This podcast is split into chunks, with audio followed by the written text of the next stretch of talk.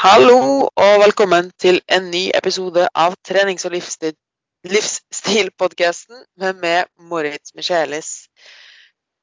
Og eh, dette her er da del tre med Tor André Sandum, der vi egentlig snakker om styrketrening, og egentlig nesten lager en liten guide for at du skal forstå styrketrening og hva du egentlig driver med.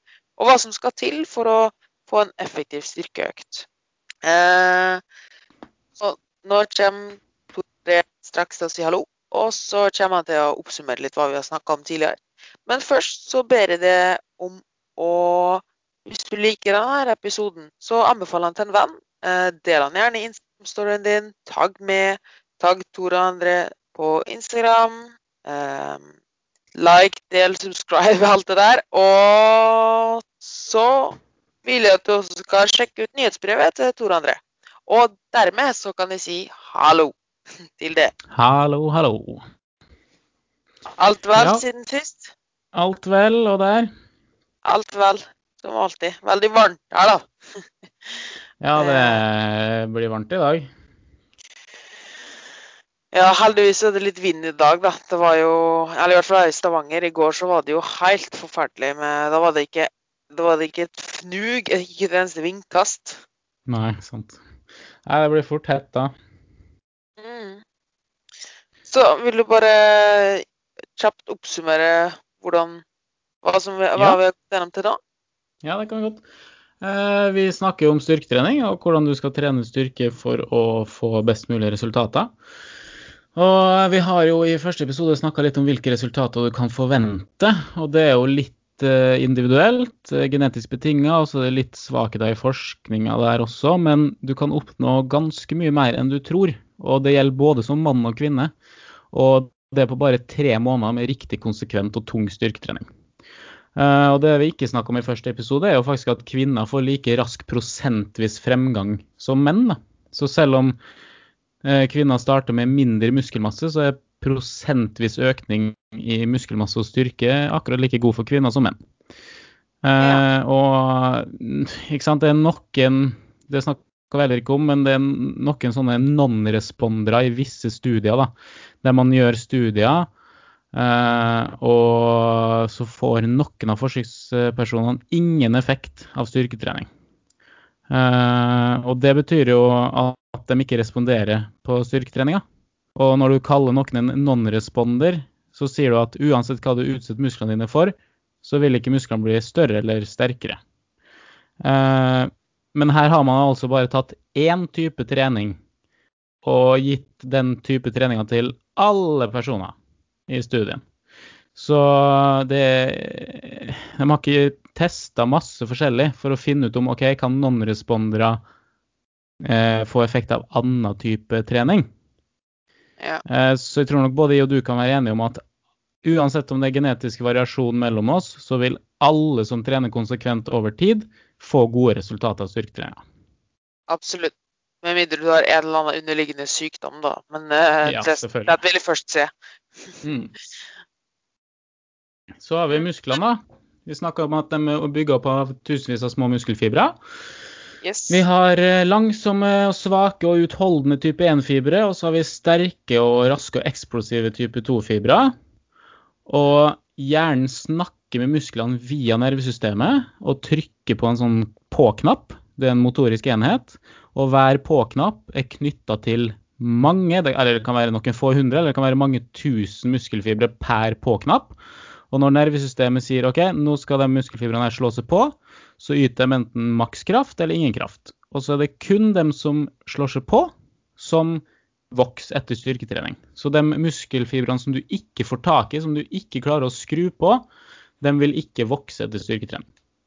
Ja, man kan egentlig Jeg kom på en veldig fin analogi her fra forrige gang, og det er jo egentlig det at du kan sammenligne det med Du har jo to typer lysbrytere. Du har de du bare trykker på av tå.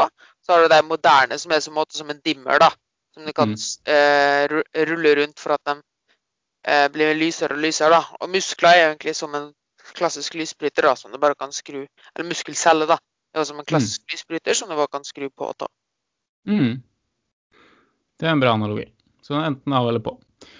Uh, og når du slår på muskelfiber, så vil den muskelfiberen som blir skrudd på, da, den vil yte makskraft, som igjen vil si at den vil oppleve maksimalt eh, mekanisk drag.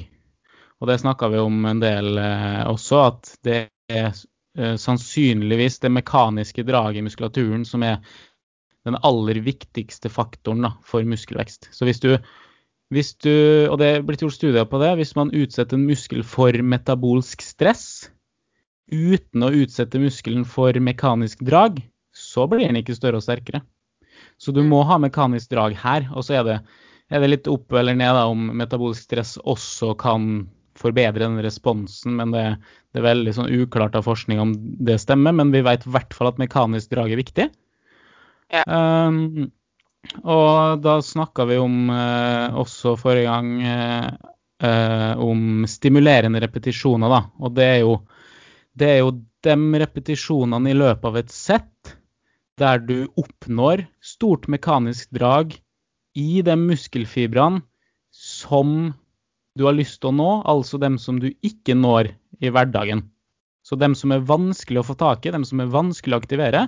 Når du oppnår stort mekanisk drag i dem, så kan du si at da har du gjort en stimulerende repetisjon. Eh, så hvis du tar 30 repetisjoner per sett, så ble vi enige om at det er ca. de siste fem da, som er stimulerende. Eh, og det gjelder jo uansett eh, hvor mange repetisjoner du tar. Så hvis du tar ti repetisjoner per sett, så er det også de siste fem som er stimulerende. Hvis du trente utmattelse, da. Mm. Um, så per sett du tar til utmattelse, har du fem stimulerende repetisjoner. Men vi ble også enige om at det kanskje lurt å holde igjen litt. Så hvis du holder igjen én repetisjon, så har du fire stimulerende repetisjoner per sett.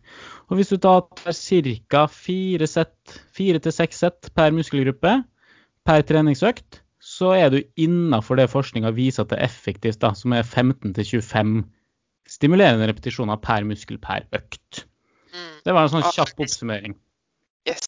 Og der diskuterte vi også på slutten litt om hvorfor veldig mange da kanskje trener litt lite hensiktsmessig. Eh, Mm. Med tanke på at de ofte enten rett og slett gjør kjempemye, men aldri kommer til seg de stimulerende repetisjonene, som vi snakka om. Eh, eller at de trener alt veldig, veldig mye, da. Som gjør at de egentlig, som sagt, eh, fire til åtte sett er som regel nok, da. Eh, Mm. Og hvis du gjør f- mye mer enn det, så er det en stor sannsynlighet for at eh, Det vil nok være mindre sannsynlig at du faktisk overtrener. Det mest sannsynlige vil nok bare være at du heller igjen på starten. Veldig veldig mye for i det hele tatt å komme gjennom. Fordi Ja, eller at den jo- siste du gjør, blir bare tullerepetisjon, egentlig, for muskelen er ferdig, på en måte. Ja, og det snakka vi også en god del om, at det er veldig mange som faktisk ikke Og det er jo faktisk også gjort en god del studier på.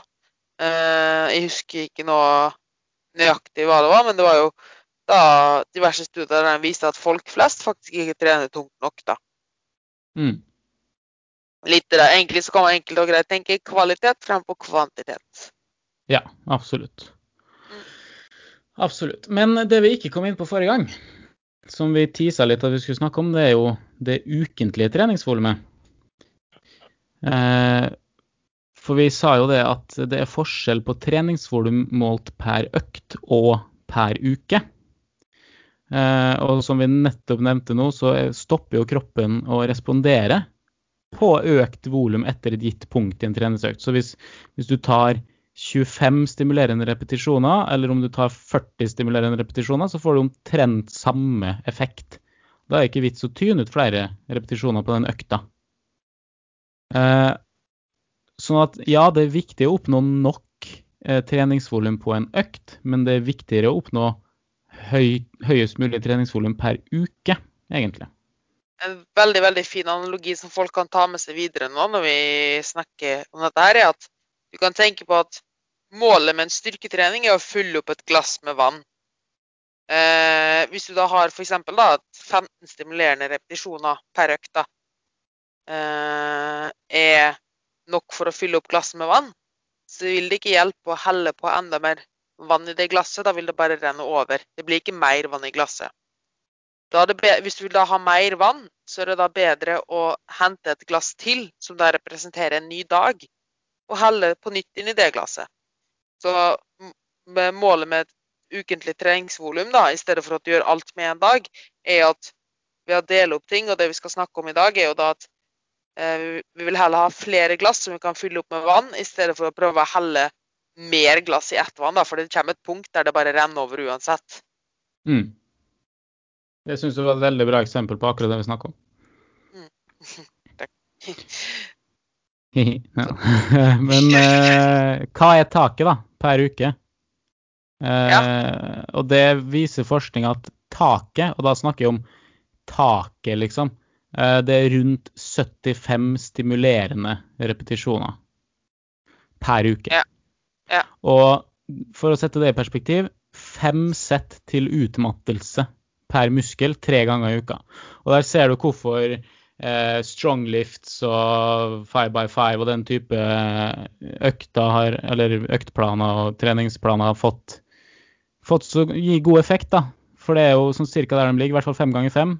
Da kjører du fem ganger fem, og skal du kjøre litt unna utmattelse på den, da. Men i teorien, da, hvis du hadde kjørt alle fem settene til utmattelse, så hadde du fått 75 stimulerende posisjoner hvis du har gjort det tre ganger i uka. Og da Mm. er det egentlig ikke vits å trene mer enn det. Og Men så det som er- la oss- si at de f.eks. har en igjen i tanken, da. Da er det det, Ja, som, går, da er det, det som går til f.eks. Assist, assistance-øvelser og sånn, da. Det vil jo nok Mm. sannsynligvis bli ganske likt. Ja, sannsynligvis. Men det som er fint, er at dette her er også en sånn typisk eh, ja, En kurve som flater av, da. Så det er jo de første stimulerende repetisjonene du tar i en uke som har mest effekt. Og de Mm. siste opp mot 75, de har mye mindre effekt. Så forskjellen på å ta 20 stimulerende repetisjoner i løpet av ei uke og 50, den er ganske stor. Men forskjellen på å ta 60 eller 70, eller 60 eller 75, den er ikke så veldig stor. Så du kan oppnå ganske gode resultater et godt stykke unna 75 stimulerende repetisjoner i uka. Og jeg trener som oftest mellom 40 og, ja, 40 og 56, da, en eller annen plass, alt etter hvordan jeg setter opp programmet. Mm. Eh, stort sett rundt 48 har jeg ligget på i det siste, og det gir god effekt. Det høres ut som det er langt unna 75, men det gir god effekt. Ja, det er jo nettopp det. Det er jo som du sier, hva, hva har du tid til? Hva er det vits å liksom legge opp til? Mm. Uh, og det er nok veldig mange her som skyter seg sjøl i foten og vel, trener en god del for mye, da, egentlig. At de liksom uh, de, de vil liksom ha mest mulig igjen, da. La oss si at de da tar 70 repetisjoner, da. Som da tilsvarer uh, fem tungesett tre ganger i uka, cirka. Eh, så tenker de ikke over at ja, de får kanskje mer, igjen, mer effekt av styrketrening og sånn i teorien, for de gjør mer, men det påvirker f.eks. restitusjonen deres, da. Så Mm. kanskje de får egentlig igjen mindre for det, da. Fordi de rett og slett ikke har en hverdag som er tilpassa såpass høyt treningsvolum. Mm. Og det er akkurat det som jeg har lyst til å gå inn på nå. Fordi det er nok en fallgruve her som vi må tenke på når vi tenker på å stimulere en repetisjon. Det er ikke bare å presse ut eh, 25 stimulerende repetisjoner hver økt og nå 75 eh, stimulerende repetisjoner i uka så tenke at det var perfekt. For det, det er andre ting å tenke på, sånn som du sier. Det er livsstilen, og det er sant, egen kropp, restitusjonskapasitet, hvor godt sover du, hvor godt spiser du osv. Så, Så det kan hende at når du kommer på trening, så er ikke alle repetisjonene du gjør, stimulerende. Selv om du følger retningslinjene og ligger én rep unna utmattelse og teller fire stimulerende. Det er ikke sikkert at alle fire var stimulerende. Uh, og vi snakka jo om ok, hva definerer en stimulerende repetisjon. Jo, du må løfte med full innsats for å aktivere hele muskulaturen. Og så må du løfte med en vekt som er så tung at løftehastigheten er lav. Eller du kan løfte med en lettere vekt og ta flere repetisjoner helt til du blir så sliten at løftehastigheten blir lav. Men du må ha full innsats og lav løftehastighet. Og Og det der krever jo en god del fra hodet, skulle jeg si. Det gjør det også. Og det er interessant at du sier det, fordi hva er det som styrer musklene dine? Det er hodet. Og hvordan snakker hjernen med musklene? Jo, det er via nervesystemet. Og de trykker på en knapp, ikke sant? Det oppsummerte vi. eh, motorisk enhet aktiveres, da aktiveres alle muskelfibrene knytta til den motoriske enheten. Ikke sant? Mm. Men la oss si at nervesystemet ditt av en eller annen grunn er sliten. da. Så kommer du på trening, og så har du et slitent nervesystem, et utmatta nervesystem. Så når du skal begynne å løfte, så løfter du med full innsats. Altså, hjernen din tar i så hardt som bare rå. Eh, og løftehastigheten din er lav. Men av en eller annen grunn så klarer ikke du å løfte like mange repetisjoner eller like tung vekt som du klarte i forrige økt. Og det er fordi at nervesystemet ikke klarer å skru på de motoriske enhetene som er knytta til de siste muskelfibrene der som vi ønsker å aktivere. Og da opplever du egentlig noe som heter sentral tretthet. Og sentral det står bare for sentralnervesystemet. Tretthet er jo at man er sliten, så nervesystemet er sliten. Klarer ikke lenger å aktivere alle motoriske enhetene. Og de motoriske enhetene som ikke blir aktivert, dem får ikke effekt etter trening. Så selv om du ligger der på benkpressen og presser det alt du har, og løftehastigheten er lav, så klarer ikke du å aktivere kanskje de siste 2 da, av muskelfibrene dine. Og da vil ikke de vokse, eller av motoriske enheter, da, kan vi si. Og siden de siste 10% av motoriske enheter er knytta til halvparten av muskelfibrene i muskel, som vi snakka om, så vil de siste 2% av motoriske enheter du ikke klarer å aktivere, stå for en ganske stor del av muskelen. Og da vil du få dårligere effekt av den økta. Fordi du er prega av sentral tretthet. Mm. Men det vil jo oppleves allikevel da, som at du gir alt. Det vil oppleves som at du gir alt. Det blir vel litt som at eh, du har en PC eller et eller annet som bare rett og slett har, har så mange program som kjører i bakgrunnen, da, at de gir jo alt de kan, men programmet du kjører vil jo fortsatt gå drittreigt, for du har så mye i bakgrunnen, da. Mm. Eh, og det er jo ofte, spesielt her på PT-service, da, så er det jo en god del businessfolk og sånn som trener. Uh, som som uh, har mye, som reiser mye, og har mye stress og slike ting, da. Og de har ofte mer enn nok effekt av eh, to til tre sett, eh, tre sett kanskje da, med benkpress, mark, knebøy. Eh, to ganger i uka, f.eks. Gjør de mer enn det, så blir de over, overtrent. Eller overreach, da. Eller de klarer ikke å ta i nok, på en måte. Mm. Eh, ikke at de blir overtrent, men de, de klarer bare ikke å ta i nok, da. Um, og jeg kan jo synge en hel sang om dette her, skulle jeg si. Um, på grunn av eh, kronisk stress da, og så lavt testosteron. Så stanga jeg jo egentlig mot en vegg. Med, altså, jeg følte jo jeg pusha så hardt jeg kunne på trening eh, i nesten to år. Men vekten gikk jo ikke opp. Mm. Det er jo da et ekstremtilfelle da, der, kropp, der jeg følte at jeg gitt alt, men det var jo langt ifra faktisk å aktivere alt. Mm. Fordi man rett og slett var så sliten da, at man ikke orka å aktivere ordentlig. Mm. Fordi hvis man skal tenke sånn, da var at PC-en hadde ikke så mye bakgrunnsprogram som gikk, egentlig. Eller at den hadde jo for så vidt det òg, men det var bare en sinnssykt dårlig prosessor. Så den kunne ikke kjøre opp den ordentlige programvaren. Mm. Det er litt det at det på en måte ikke det er ikke muskelen din sin feil, men det er liksom kontrollorganet her da, som skal skru på muskelen. Den får du ikke til. Mm. Det er jo ikke Facebook sin feil at det ikke klarer å kjøre. Det er jo PC-en Nei. din sin feil. Ikke sant? Hvis man skal ta et litt teit eksempel. Men. ja, ja. men for å unngå sentral tretthet, så er det jo viktig å vite hva som fører til sentral tretthet, tenker jeg da. Absolutt.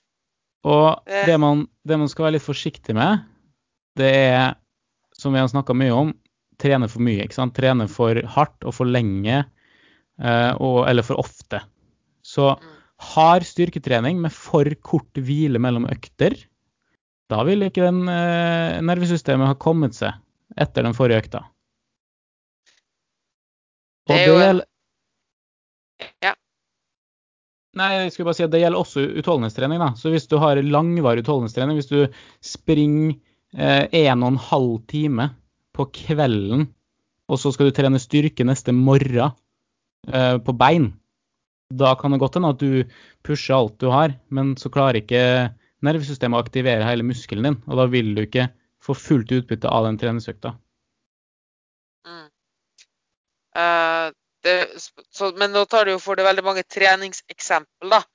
Uh, men det, det jeg tenkte å spørre litt om, eller spørre eller høre litt om, er jo at jeg tror for folk flest så er det nok ikke det at de trener så sinnssykt for mye Altså, med mindre du er veldig interessert i en ungdom som har fått blod i tann og liksom begynner å trene ordentlig mye, eller en ekstremmosjonist, så tror jeg ikke det er treningsvolumet i seg sjøl som er problemet. Jeg tror det er mer alt annet som er problemet. Eh, kronisk stress i hverdagen, lite søvn, eh, dårlig kosthold. For dette her er jo noe ofte ikke folk tenker på, at stress er stress på kroppen. Om det stresset kommer fra trening eller av en unge som skriker, eh, så er det fortsatt stress for kroppen. Og det vil påvirke nervesystemet på ganske lik måte. Det er litt, uh, litt forskjell, for den kroniske stress vil også påvirke kortisolhormonene som blir økt. Uh, og osv. Så, videre. så det vil også ha andre ting som blokkerer restitusjonstida, som ikke bare går på sentral tretthet. da. Så det er jo klart at ja. uh, livsstilssituasjonen er jo veldig, veldig viktig. Ja, men dette her vil jo da påvirke uh, Uten å gå i dybden på hormoner og slike ting, da. som vi sikkert også kunne snakka veldig, veldig mye om. spesielt ut. Kan jeg tenke meg at du har mye kunne sagt rundt mm. temaet.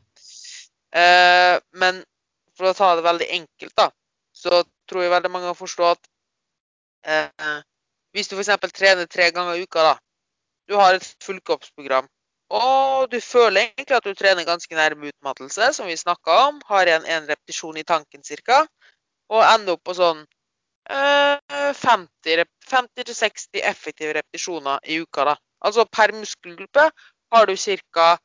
Eh, 10-15 eller la oss si 15 sett, utmattende sett da, til utmattelse per muskelgruppe i uka. Um, og du har ikke fremgang. Så bør nok ikke det første du gjør, være å øke treningsvolumet. Det første du bør gjøre, er å se på andre faktorer som livsstil, søvn. Trener du faktisk hardt nok? Uh, men som regel så føler jeg at folk bare tenker OK, nei, jeg har ikke fremgang lenger, da må jeg bare gjøre mer. Og da skyter du deg litt sjøl i foten, fordi én, siden du gjør mer, så vil du holde igjen mer, eller du vil ha mer junk volume, som vi snakka om tidligere. At du egentlig bare gjør ting som ikke gir noe effekt. Men samtidig så vil jo den, den Du bruker mer tid på gymmet og trener mer, som vil stresse det mer igjen, da. Som gjøre at du har lengre restitusjonstid. Som kanskje gjør at du får enda mindre fremgang, da. Mens det du egentlig kanskje bør gjøre, da, er å se på kostholdet ditt, se på søvnen din, se på hvilke andre ting du gjør i løpet av dagen. Alt dette her, da. Mm. Men folk tenker liksom bare at, at det kun handler om det du gjør på gymmet, da. Men det er jo, det er jo kanskje én time, én til to timer da, i løpet av døgnet som du faktisk er på gymmet. Men så har du 22 andre timer i løpet av døgnet.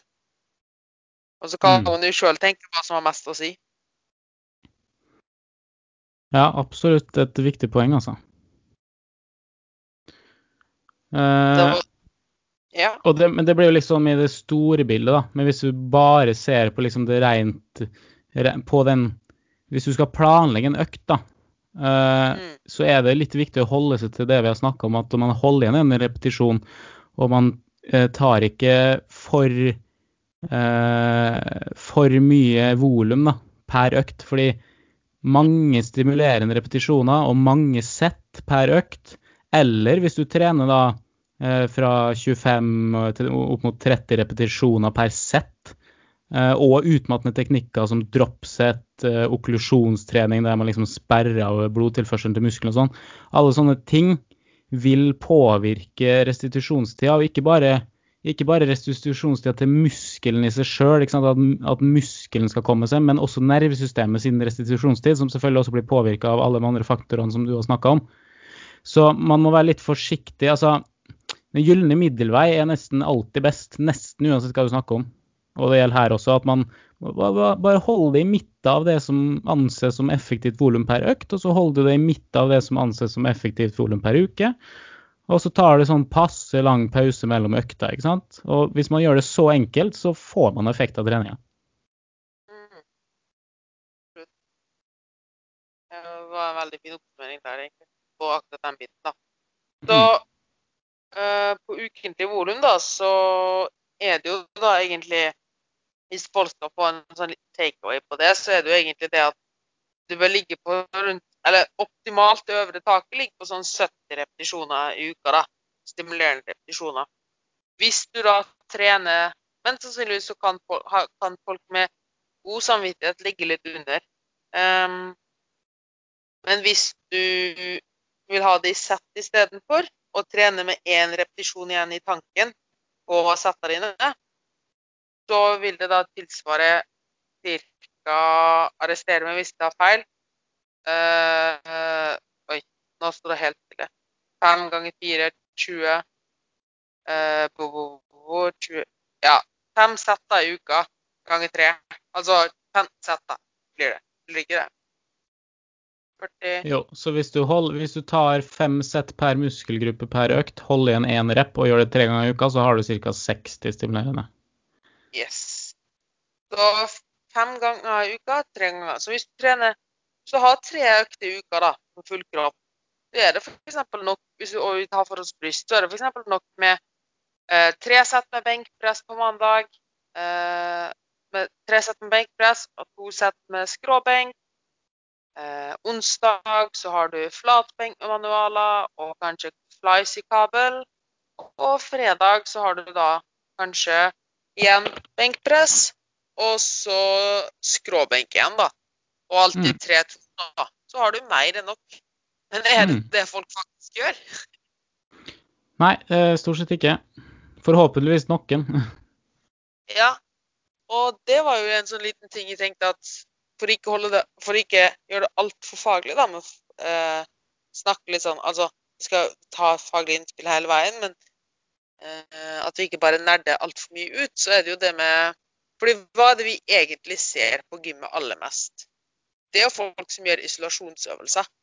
Og det, det, mm. har vel du nettopp nå kommet ut med, med en veldig veldig fin øvelsesguide nesten på den eh, på, på det nyhetsbrevet ditt. Mm.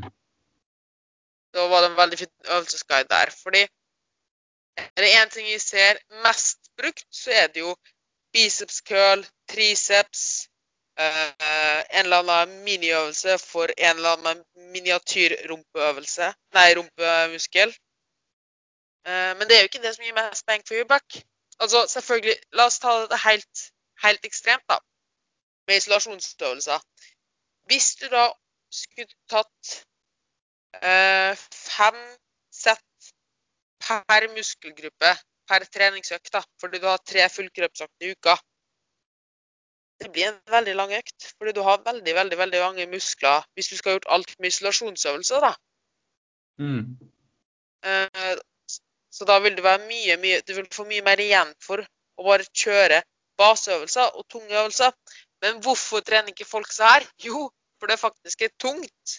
Og det er jo mm. ofte et veldig godt tegn på at de gjør altfor mye annet tull. Fordi og de, har, de, tror jo da at hvis de kjører tunge baseøvelser, at de må gjøre alt det andre i tillegg. Men du skal droppe alt det andre tilleggstullet og bare gjøre ordentlig tunge øvelser. Jeg kan ikke huske sist jeg har kjørt skikkelig biceps curl, altså som, tre, program, som i programmet. Altså jeg kan ha, kan ha kjørt litt biceps curl som tull og leik på slutten. Men jeg har så mye roing, jeg har så mye forskjellige pullups og nedtrekkvarianter skal jeg med en bicepskøll i tillegg, da? Mm. Med mindre jeg har en eller annen skade eller en eller annen ekstra ønske om å få en stor bicep, veldig stor biceps, da. Uh, ja, det er det. Hvis, hvis la, la, oss si, da. Hvis å få store armer da, hadde vært det viktigste i verden for deg, og det er liksom det, det du vil, da, da ser jeg eh, et godt poeng i å først kjøre alle de uh, store øvelsene, benkpress og roøvelser, nedtrekk og pullups og sånt, og så på slutten av økta faktisk programmere inn i økta du skal gjøre en, en del biceps-varianter som du skal ha progresjon på. Altså at du skal, du skal, se at du løfter mer uke for uke for uke. Og det er visst det er sånn superviktig for deg. Og sånn som for meg, jeg liker jo eh, tanken på å ha store armer, men det er ikke det viktigste i verden. Så jeg gjør sånn som du, jeg trener bare de store øvelsene, og så på slutten av økta, når jeg har tid, så står det i programmet mitt eh, gjør tre supersett på armer og skuldre. Det er det som står. Og så bare leker vi med forskjellige ting uten å følge liksom at det blir tyngre. Jeg bare koser meg, liksom. Og da får jeg stimulert bicepsen sånn bitte litt ekstra utover det andre. Og så får du, ikke sant, Det var veldig viktig du sa det med den. Du får litt den leiken. Mm. Men igjen så er det akkurat som med kosthold, så er det 80-20-regel, som er veldig fint. da. 80 av program, treninga di bør ikke være leik eller sånne ting. 80 av programmet ditt bør være ren rutine, standard. Du ser hva du skal gjøre. Det er programmert, og det er lagt opp. Eh, og det bør være nesten det samme hver gang. Altså, på mandag så kjører du Hver mandag kjører du det samme programmet ditt, hvis det er mandag du skal ha det programmet. Men så kan du i tillegg ha f.eks. 20% leik på slutten, som du sa. Litt skuldre, biceps, slike ting.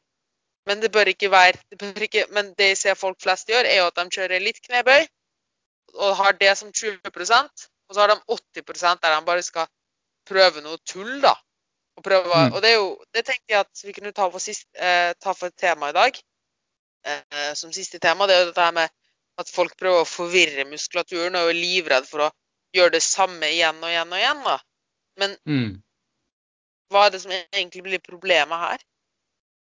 Nei, Det er jo helt klin umulig å følge framgangen. Du forvirrer jo bare deg sjøl. Muskelen din har jo ingen hjerne. Den blir jo ikke forvirra. Den, den, er jo enten av eller på. Det har vi jo snakka om. Mm. Men når du tar masse forskjellige øvelser, bytter program annenhver uke, rullerer på øvelser hele tida, skal prøve å eh, skal trene 8-15 repetisjoner den ene uka og 5-8 den andre uka, så eh, hvordan ser du at du blir sterkere? Du ser jo ikke, du må jo endre vekt på stanga hele tida, opp og ned. Det er en veldig viktig ting. Og det andre er jo at du må lære noe nytt hver gang.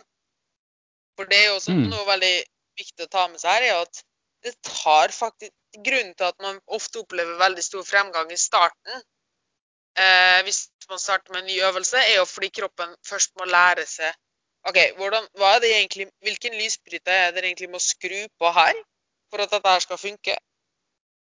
Eh, altså Hvis du da bytter øvelse annenhver uke eller hver uke, da, så må jo kroppen konstant tenke OK, eh, ny lysbryter, hvor var det vi må hen nå? Hva er det som skjer nå? Så, og da vil du aldri bli Du vil aldri kunne nå alle lysbryterne da, og skru på alle de potensielle fibrene for muskelvekst. Rett og slett fordi kroppen har ikke funnet lysbryterne ennå. Mm. Det er et veldig godt poeng. Og det gjelder også hvis hovedmålet ikke bare er å, å mm, få større muskler, men hvis man også har lyst til å bli sterkere og løfte tungt i de forskjellige øvelsene, så er det et godt poeng å gjøre med øvelsene. Altså du blir blir god i det du trener på. Og hvis du trener mye benkpress, så blir du god i det. Og da, da skjønner kroppen å ja, eh, akkurat i den delen her av bevegelsesbanen så måtte jeg gi mest trøkk til brystmuskulaturen, men i den delen her av bevegelsesbanen så er det triceps som må få mest. Og, og, jeg må passe på å ikke aktivere biceps så mye, for da holder jeg igjen, da, da gjør jeg den motsatte bevegelsen det jeg vil. ikke sant? Så koordinere kroppen veldig god til å koordinere alle disse musklene. Sånn at du kan yte mest kraft mot vekta, sånn at du kan løfte mest mulig. Så det liksom gjør det litt kjedelig, men, men ha litt sånn spice på toppen der du kan leke det litt. Mm. Uh, en veldig fin ting jeg kom på nå, eller som jeg har hørt tidligere, jeg husker ikke hvem som sa det. Uh, men det er en veldig veldig fin analog. funker veldig fint å tenke på. det, Og det er spesielt nå etter at folk hadde veldig trenings, et veldig langt treningsopphold med korona og sannsynligvis sommerferie og slike ting. da. Og jeg kommer tilbake på gymmet, og så løfter jeg mye mye mindre enn tidligere. da. Og bare 'Å nei, jeg mistet så mye muskelmasse, jeg er blitt så mye svakere' og slike ting. Eh, og alt du kan tenke på her, er egentlig at Jeg tipper at alle har sett autobane i Tyskland. Eh, eller i Oslo, for så vidt, så er det jo også begynt å komme mer og mer nå. Skikkelig motorvei. Eh, og når du, har, når du, har, trent ganske effektivt og lenge det samme, da F.eks.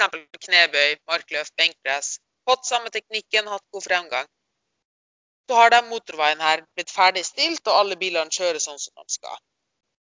Eh, men når du tar en pause fra trening, så, så vil motorveien etter hvert Ingen kjører der, da, hvis du ikke har trent. Så det vil komme litt rusk på veien og litt det blir rett og slett ikke gjort vedlikehold, da. Og når du da skal starte opp igjen med trafikk, så må folk kjøre litt forsiktig. Eh, det må kanskje komme en rensebil. Og det tar litt tid da, før motorveien er i gang igjen, for det er full drift på den motorveien igjen. Men motorveien har jo ikke forsvunnet. Den begynner først å bli ødelagt etter flere år, den, uten bruk og vedlikehold. Eh, og det, hvis du da skal tenke på det med at du bytter ut øvelse hele tiden, da, eller forandrer på ting, så blir det sånn at du har kanskje ferdigstilt en motorvei, men konstant så driver du med omdirigeringer og omkjøringer og slike ting, da. Så trafikken vil jo aldri flyte ordentlig. Fordi du konstant skal ha noen omdirigeringer og kjøre litt annerledes her. Og, og da blir det trafikkork, og da regner ikke trafikken. Så Mm. målet vårt med styrketrening er jo egentlig bare at trafikken skal gå samme konsise veien hele veien. Absolutt. Og så tror jeg det er viktig å understreke at uh, verken jeg eller Moritz fraråder folk å bytte ut øvelser. De må gjerne gjøre det. Altså, Jeg bytter jo sjøl ut en god del øvelser i programmet mitt ca. hver andre måned, da. Men jeg bytter ikke ut alle, og jeg gjør det ikke hele tida. Og i, det er noen øvelser, sånn som benkpress, som vi gjør eh, uansett. Flat benkpress, fordi det, det er en øvelse jeg liker veldig godt. Men man kjenner litt på kroppen. ikke sant? Det er lov å bytte ut en øvelse før man hadde tenkt, hvis den øvelsen gjør vondt eller er veldig demotiverende. Men hvis du, hvis du Altså, why fix it if it ain't broke? Så hvis du liker de øvelsene du gjør, og du får effekt, så er det ikke vits i å bytte dem ut bare for å forvirre muskulaturen. Igjen da, så kan du egentlig bruke motorveianalogien, da. Altså, hvis det ikke er en skade eller bom på motorveien, så må du ikke lage en omdirigering eller bytte på veien. Men hvis det skulle være et eller annet, da, hvis du merker at La oss si at eh, Eksempel fra min trening, da. Jeg er ekstremt sterk i hamstringene i forhold til ryggen min. Så jeg kan kjøre ganske, ganske tunge rumenske markløft, da. Eh, Men hvis jeg kjører dem lenger enn to uker, så får jeg skikkelig vondt i ryggen. For det blir for mye belastning på ryggen min, da. Men hamstringene mine klarer det helt fint. Og jeg får kjempegod stimuli på hamstringene av eh, rumenske markløft. Men etter én til to måneder så må jeg rett og slett bytte det ut, for det blir for mye for ryggen, da. Eh, og her kan du da tenke på motorveien, at motorveien går og tuter og kjører. I, alle bilene kjører og kjører i én en til to måneder. Men så har det begynt å komme slitasje på motorveien, da. Og da må det bli en omdirigering en periode for at den motorveien kan bli bygd opp igjen, da. Og fiksa hull i, hull i asfalten og slike ting. Og, da, etter, og siden den omdirigeringa varer en god stund, da, la oss si at vi da f.eks. kjører eh, eh, Nordic hamstrings istedenfor, som hovedøvelse. Så vil jo da Men de gjør dette her også i én til to måneder. Så vil jo da omdirigeringa bli den nye standarden. Og trafikken vil kjøre effektivt der igjen nå. Og så kan vi etter hvert gå over igjen til det andre. Så målet med Men hvis det ikke skjer en skade på motorveien, så er det ikke vits å lage en omdirigering. Hvis trafikken flyter og går. Og det er jo kanskje litt det som er det viktige. Og selvfølgelig, det, det, altså, trivselen det er jo også en viktig ting her. Det skal vi jo ikke skimse bort. Men det er jo som du sier, at hvis det ikke er noe som er ødelagt, og det funker, så er det ikke vits å forandre på noe. Men variasjon kan være veldig fint for å øh, øh, fjerne ubalanser, svakheter, eller hvis du får vondt etter hvert. da, fordi det er jo ikke bare muskler, det er også ledd og ligament. Mm. Det, men det aller viktigste som folk bør ta med seg fra denne her episoden, er nok det at du kan ikke forvirre en, en muskel. Det er bare dumt kjøtt som eh, eh, responderer på stimuli. Det var som sa det igjen. Var ikke det et sitat fra en eller annen kar? Sannsynligvis, men jeg tror ikke jeg har fått det med meg, dessverre. Nei, det er jo, og det er jo derfor mekanisk drag er så viktig. Fordi Mm. du drar i et eller annet, og muskelen kjenner Oi, shit, det var ganske tungt. Jeg vil helst ikke rive neste gang han gjør dette her. Så gjør meg litt sterkere. Mm.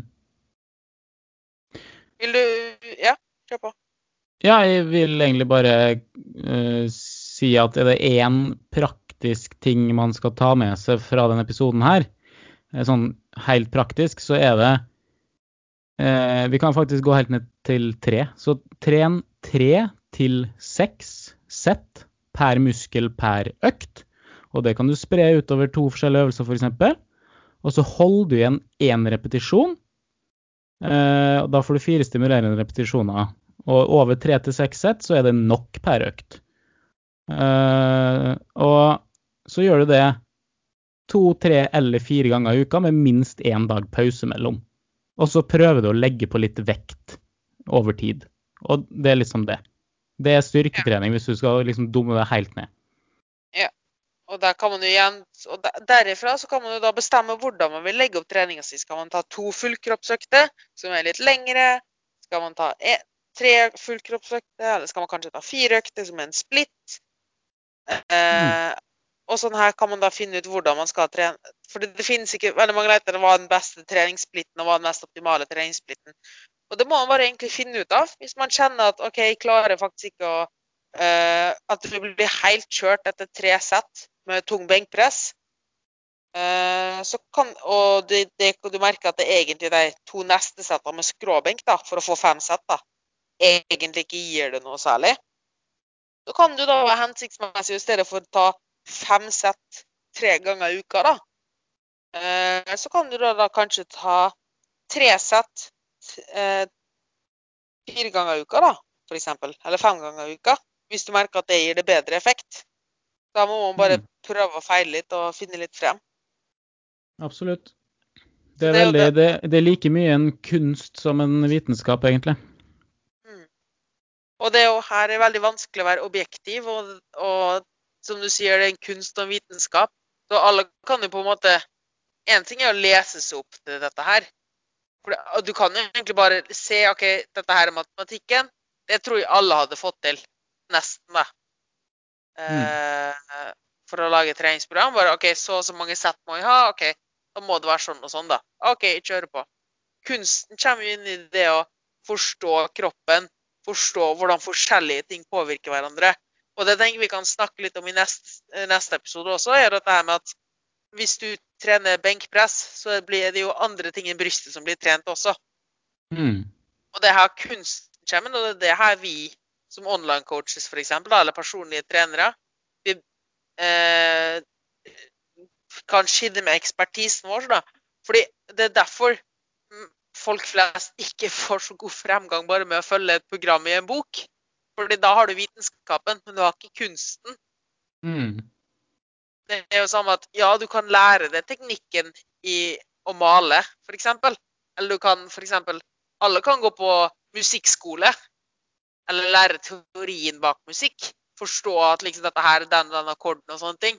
Men kunstnere har den kreative delen og har forståelsen for det. da. Og det er jo det som egentlig trenere og coaches gjør, da, er jo at de den, har den forståelsen bak kunsten i det, da, skulle jeg si.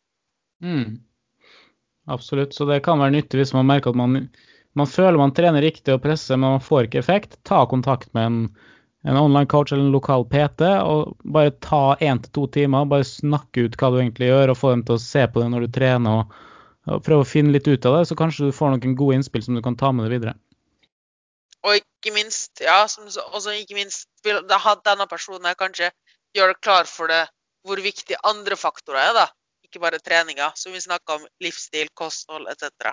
Mm, at man ser på det og snakker om det også, så kan den andre personen Det er, litt, det er jo litt vanskelig å se på seg sjøl ovenfra, på en måte. Så det å få det andre blikket på det som kan fange opp ting som du kanskje ikke ser, da, knytta til livsstilen din.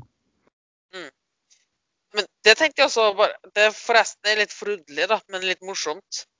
Veldig mange føler at føler nesten det er litt flaut å spørre om hjelp om trening og mat. Eller tenker at ja, men dette her må vi jo få til på egen hånd. Men det er jo en profesjon som alt annet. Altså, du blir jo ikke flau for å gå til tannlegen eller for at noen kommer og fikser taket ditt og slike ting heller. Det er en grunn til at dette er et yrke. Eh, så hvis du vil få mm. gjort det ordentlig, da Med mindre du har veldig veldig god tid og ser eierskapet i å faktisk eh, At det er en hobbyinteresse av deg sjøl, at du vil få til dette her, da så vil jeg egentlig nesten anbefale alle å ta kontakt med en PT eller online coach. Fordi mm. det, er rett, det er rett og slett en profesjon, en service, og det er ikke noe man må være flau over. Jeg er heller ikke flau over at de spør en rørlegger om å fikse røra mine. Eller en bilmekaniker for å fikse bilen min. Nei, og det er litt eh, Jeg tror man også skal understreke at eh, det er ikke slik at det er åpenbart at du skal få det til. Fordi at uh, samfunnet i dag, sånn som det har utvikla seg, det er jo egentlig lagd for å jobbe mot det. Altså du blir bombardert av av eh, det ene og det andre knytta til eh, god mat og snacks og i butikken, og det står hylle på hylle med potetgull, og, og biologien din er lagd slik at den har lyst til å spise mest mulig når det er mye mat tilgjengelig, sånn at den kan legge på seg mest mulig, sånn at den kan overleve når det, når det kommer en sultperiode. Da. Men i vårt samfunn så kommer det aldri en sultperiode.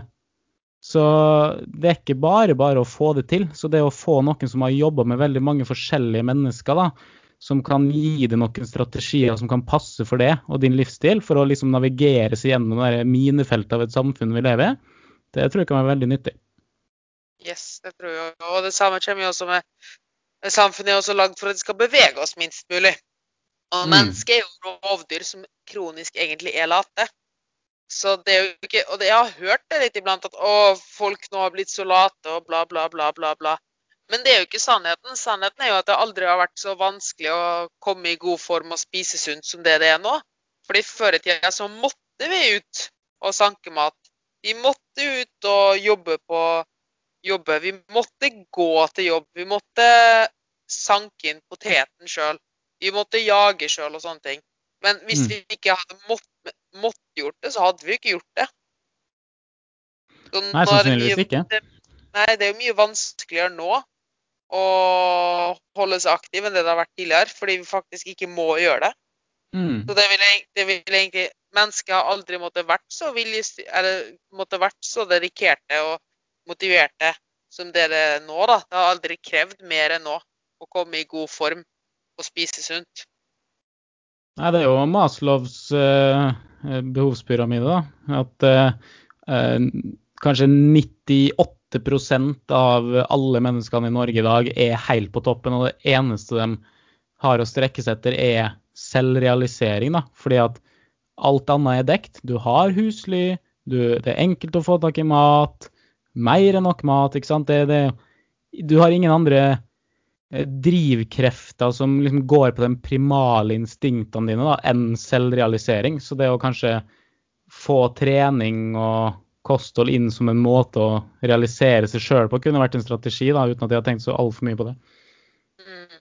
Det er jo litt sånn morsomt, da. Vi skal, eh, før du kommer med en bitte liten oppsummering på hva vi snakka om i dag, og en liten teaser til hva som blir episode fire, eh, så tenkte jeg bare eh, komme på en liten morsom ting. Og det å se på Det høres litt teit ut, men se på en løve eh, som er i en dyrehage. De vil bare ligge, og de vil se ganske trist ut, for de får alt. De har egentlig ikke noe mening lenger.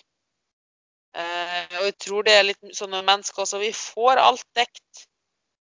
Og med mindre du faktisk finner en sjølrealisering, da, ja, finne en mening med livet, og finne liksom ut hva du vil gjøre, og liksom hva du vil mestre og få til, da, og har liksom noe å strebe etter, så vil du bare ligge rundt og være trist, egentlig. Tror jeg. Ja. Ja, jeg kjenner jo det sjøl at i, perioder der jeg har hatt lite å finne på, eller en ferie før jeg fikk barn, da, selvfølgelig, men eh, der det har vært sånn Føltes ut som ja, ingenting gir mening. Der blir man jo Det er jo en negativ spiral, da. Eh, så man må på en måte finne noe som kan trigge en sjøl, og det må man jo stå for sjøl. Det kan være hva som helst. Det, det, jeg har ingenting imot om at folk har lyst til å se bra ut, så det kan godt være et eksternt moment i det, men så må man jo også tenke på okay, hvilke indre og filosofiske eh, problemstillinger er det jeg vil løse i livet. Da. Hvordan kan vi få til det, på en måte? Mm-hmm. Absolutt. Og det er det som gjør trening så magisk, at du har faktisk noe å jobbe mot. Du ser fremgang, du ser progresjon. Du får et bedre sjølbilde. Slike ting. Mm. Du har en mening, da. Du har noe du har lyst til å oppnå. Mm, absolutt. Og det det er langt fram til du på en måte oppnår alt som er mulig å oppnå innen f.eks. styrketrening, da, eller utholdenhetstrening for den saks skyld. Så jeg vil anbefale alle å tenke prestasjon på trening.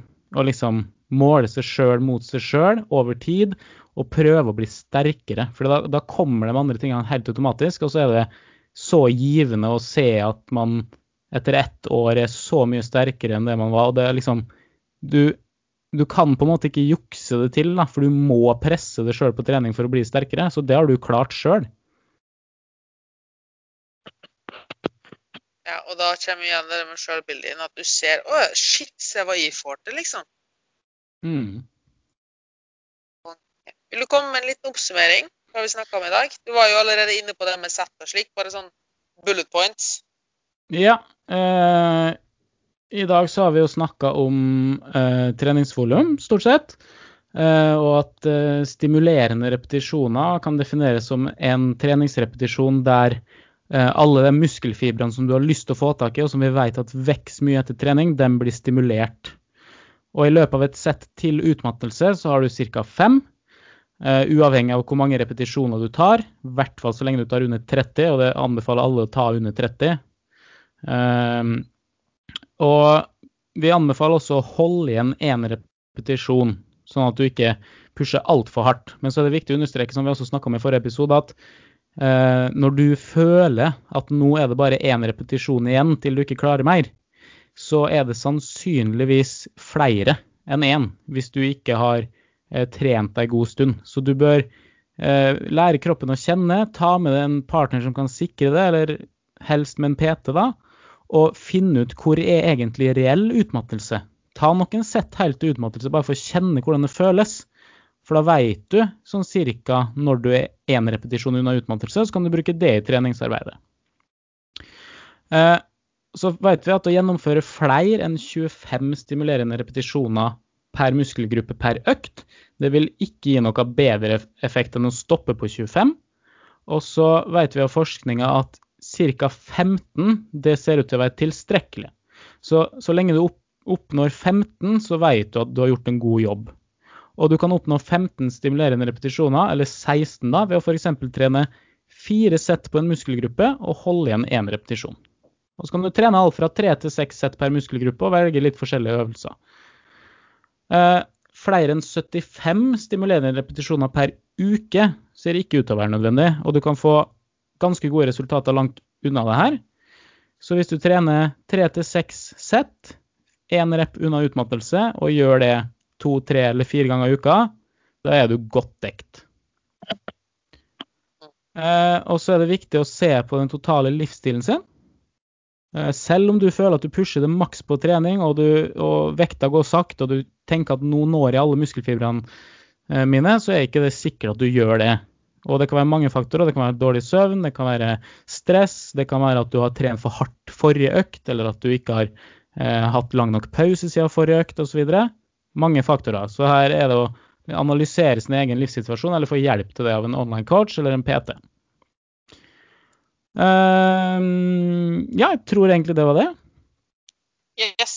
Og så bare tar jeg med en siste ting. Veldig fint, forresten. Uh, ta med en siste ting, og det er Tenk hva gir mest bang for your buck? En knebøy, f.eks., vil trene rumpemuskulaturen, lårmuskulaturen, eh, i en viss grad ryggmuskulaturen også, og litt mage.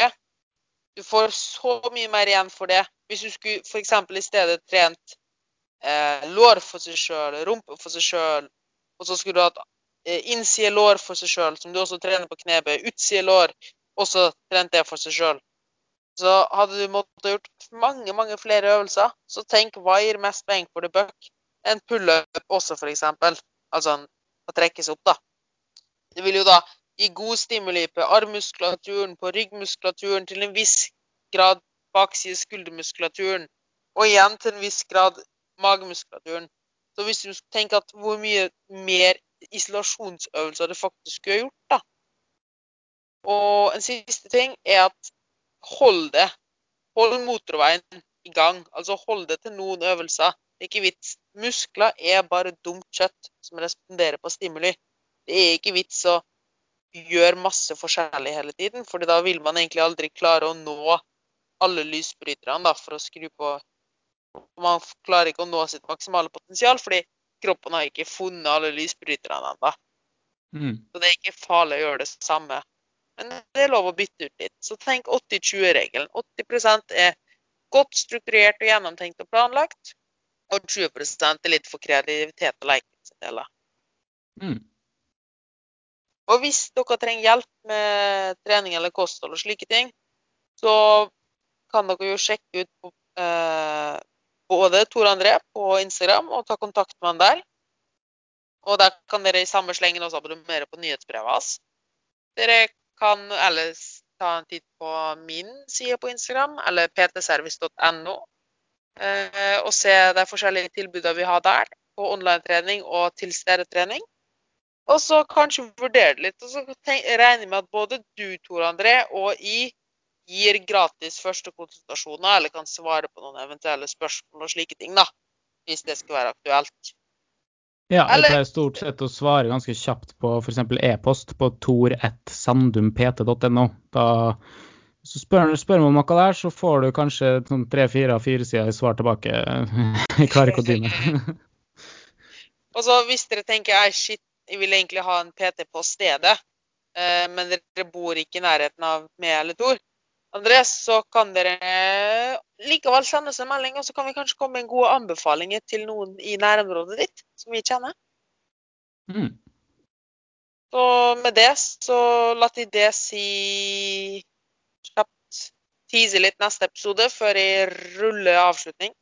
Ja, eh, neste episode så hadde jeg veldig lyst til å gå bare bitte litt mer inn på intensitet på styrketreninga, altså hvor hardt du bør trene. Vi har snakka en god del om det, så vi skal ikke bruke altfor lang tid på det. Men jeg tror det er noen aspekter som kan være interessant å høre om, eh, som, som, gjør at du som hører på, kan skille gode og dårlige program fra hverandre, da, kanskje på nettet. Så hvis du ser et program på nettet som du har lyst til å prøve, så kan du enkelt se ok, er det her godt planlagt eller ikke, og eventuelt hvilke endringer du skal gjøre. da Kanskje ikke programmet i seg sjøl, men måten du skal utføre det på med eh, intensitetsstyringa. Så det kan vi gå kjapt gjennom. Og så har jeg lyst til å bruke litt eh, lengre tid eh, enn det neste gang på lengden på pauser mellom sett. For det er ganske viktig. Absolutt. Så det, det bør man få med seg. Yes, og da tenker jeg altså at vi kommer til å komme litt inn på det med hva du egentlig skal søke etter. En, hvordan vet du om du har en god, hatt en god økt eller ikke? Er det melkesyre eller pump i muskulaturen, eller er det kanskje andre ting? Mm. Jeg tenker at dere får vente i spenning på neste episode for å få svar på. Og med ja. det så sier de takk for nå, og tusen takk for at du lytta på. Hvis du tenker at noen andre kan få noe igjen av å høre denne episoden, eller du likte denne episoden og lærte noe sjøl, så del den med en venn. Del den i storyen din på Instagram. Subscribe til podkasten hvis du vil det. Send oss gjerne spørsmål og feedback. Så tar vi selvfølgelig med det i episodene.